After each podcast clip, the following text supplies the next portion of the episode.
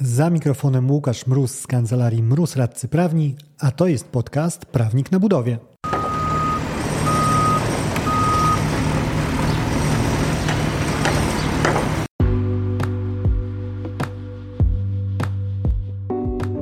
Z tej strony mikrofonu Łukasz Mróz, aka Prawnik na budowie. Ten odcinek to kolejny mikropodcast, czyli krótki strzał na konkretny temat. Mój wewnętrzny coach byłby ze mnie dumny, ponieważ wychodzę poza tą wyświechtaną strefę komfortu. Wychodzę we wtorek, 1 czerwca i wychodzę, nie wychodząc z biura, bo biorę udział zdalnie w konferencji Ogólnopolskie Forum Administracji Dróg Publicznych i wychodzenie moje owe z tej strefy komfortu wiąże się z tym, że jak najbardziej przy inwestycjach drogowych pracujemy, ale jeżeli chodzi o sektor publiczny, to działamy wyłącznie po stronie wykonawcy, jeżeli chodzi o kancelarię. Nie zdarza nam się reprezentować zamawiających.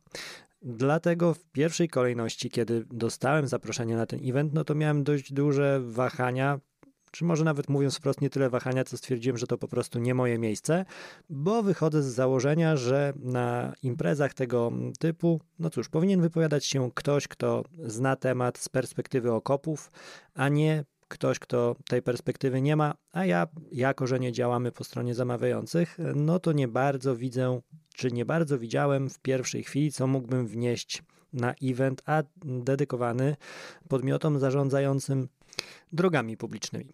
Ale doszedłem do wniosku, że Bazując na swoich ostatnich doświadczeniach, kiedy na fanpage'u miałem i innych kanałach swoich social media miałem troszkę interakcji z przedstawicielami takich mniejszych zamawiających e, i od słowa do słowa okazywało się, że e, ich problemy, ich bolączki są, co oczywiste, zdecydowanie inne niż problemy i bolączki wykonawców, ale to, na co mi się trochę otworzyły oczy, jest e, fakt, że no cóż, tak jak ja nie mam wglądu w niuanse i przyczyny wszystkich działań zamawiających, tak zamawiający nie mają wglądu w niuanse i przyczyny wszystkich działań wykonawców.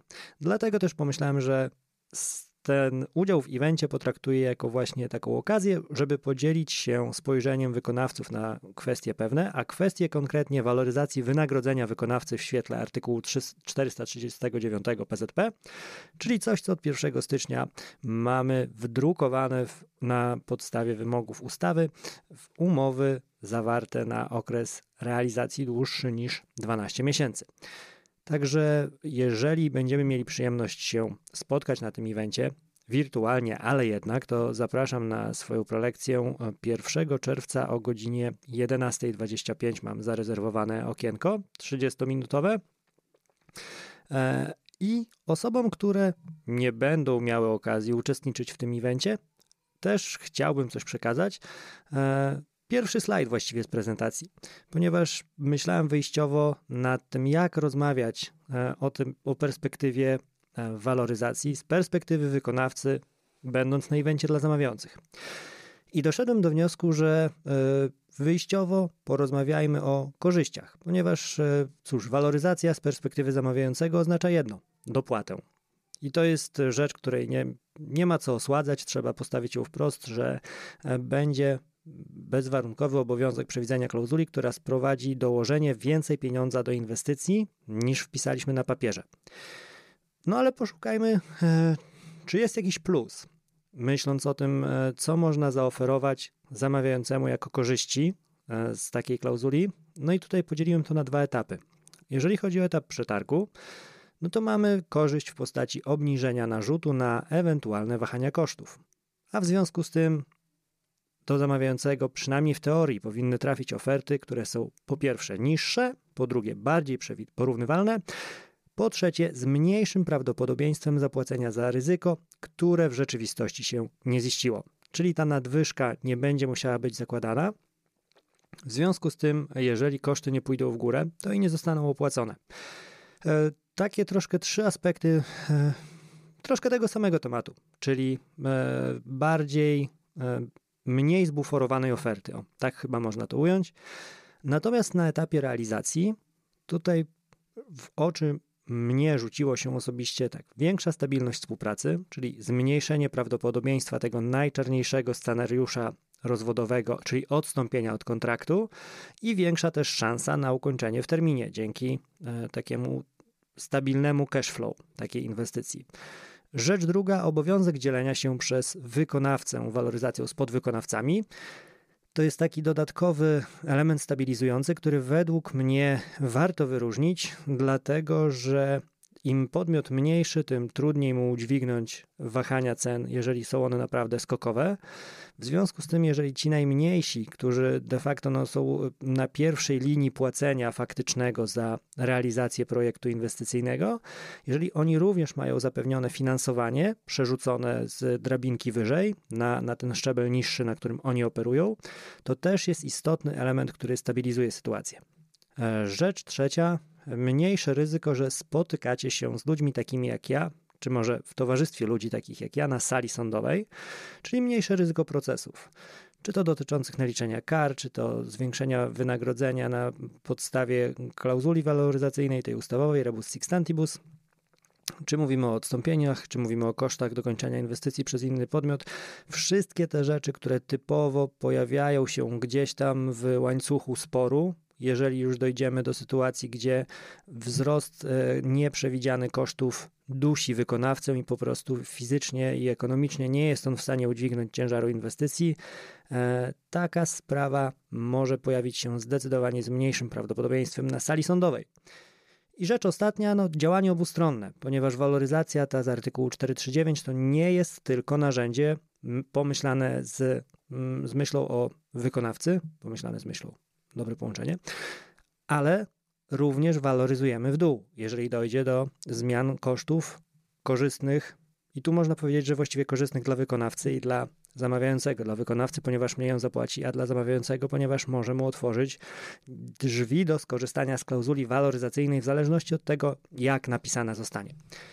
I to jest mój pierwszy slajd otwierający, którym no, staram się troszkę przekazać, że e, nie jest tak, że klauzula waloryzacyjna to tylko ten smutny obowiązek dopłaty do kontraktu, więc coś, czego e, no, nie ma co tutaj e, również się oszukiwać. Tak jak zamawiający woleliby mieć pewność wydatków, tak również wykonawcy, chociażby w relacji z podwykonawcami, e, też na pewno nie uśmiechają się, jeżeli dochodzi do konieczności dopłaty. Także takich parę rzeczy, które wydają mi się warte do podania stronie, która w wyniku waloryzacji dopłacić będzie musiała.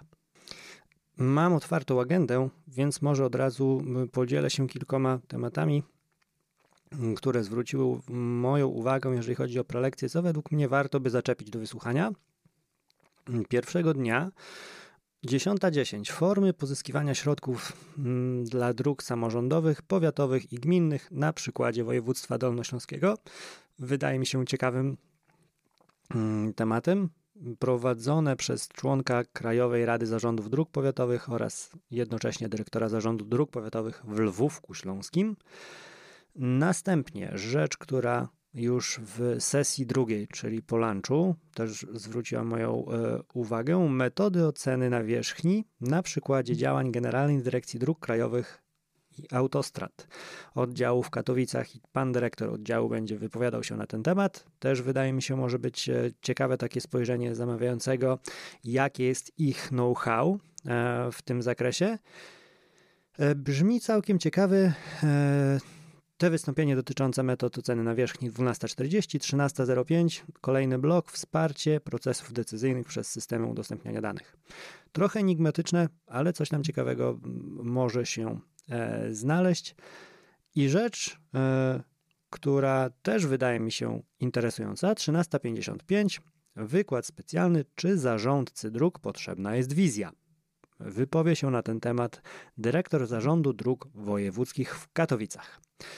E, I jako ciekawostkę z pogranicza budownictwa oraz sztuk walki, praktyczne doświadczenia ze stosowania nawierzchni MMA z asfaltu modyfikowanego gumą. Przyznam, że nie zdarzyło mi się oglądać walk MMA na asfalcie, dlatego może będzie tam jakaś prezentacja praktyczna. Z chęcią bym się zapoznał. E, te kilka, te, tych kilka wystąpień zwróciło moją uwagę e, w agendzie. Raz jeszcze. Ogólnopolskie Forum Administracji Dróg Publicznych 1 czerwca moje wystąpienie o 11.25. A jeżeli chodzi o wystąpienia moje, to już w zaciszu domowym, dzień później, nie, przepraszam, tego samego dnia, ale wieczorem o 18.30 poprowadzę webinar na ten sam temat dosłownie, czyli waloryzacja wynagrodzenia wykonawcy w trybie artykułu 439. Event dla mnie dość ważny. Po raz pierwszy płatny, prowadzony może zanim dojdziemy do płatności, to gdzie go znaleźć? Facebookowa strona Prawnik na budowie, będzie to w konwencji e, Facebook Live. Wejściówka 5 zł, ale to nie jest 5 zł, które trafi do mnie, to jest 5 zł, które trafi do Mikołaja z Białego Stoku, dwulatka, który walczy dzielnie e, z SMA. I pomyślałem, że będzie świetną okazją ten 1 czerwca, żeby wszyscy uczestnicy, oczywiście, jeżeli będziesz miał ochotę wziąć w tym udział, takim swoim piątakiem wspomogli skarbonkę Mikołaja w zbieraniu pieniędzy na nowatorską dość terapię, która ma pomóc Mikołajowi w zwalczeniu tej choroby. Także serdecznie zapraszam jako prawnik, który zdaje sobie sprawę, jak ważna jest ta nowa waloryzacja, ale przede wszystkim jako tata Wiktora, szanownego syna, który właściwie już za tygodni niespełna cztery, dwa latka właśnie skończy, jest cudnym chłopczykiem. Także raz jeszcze, wtorek, 1 czerwca, 18.30, Facebook Live na stronie Prawnik na Budowie, webinar charytatywny dotyczący kwestii waloryzacji kontraktów budowlanych na podstawie artykułu 439 PZP. Do zobaczenia!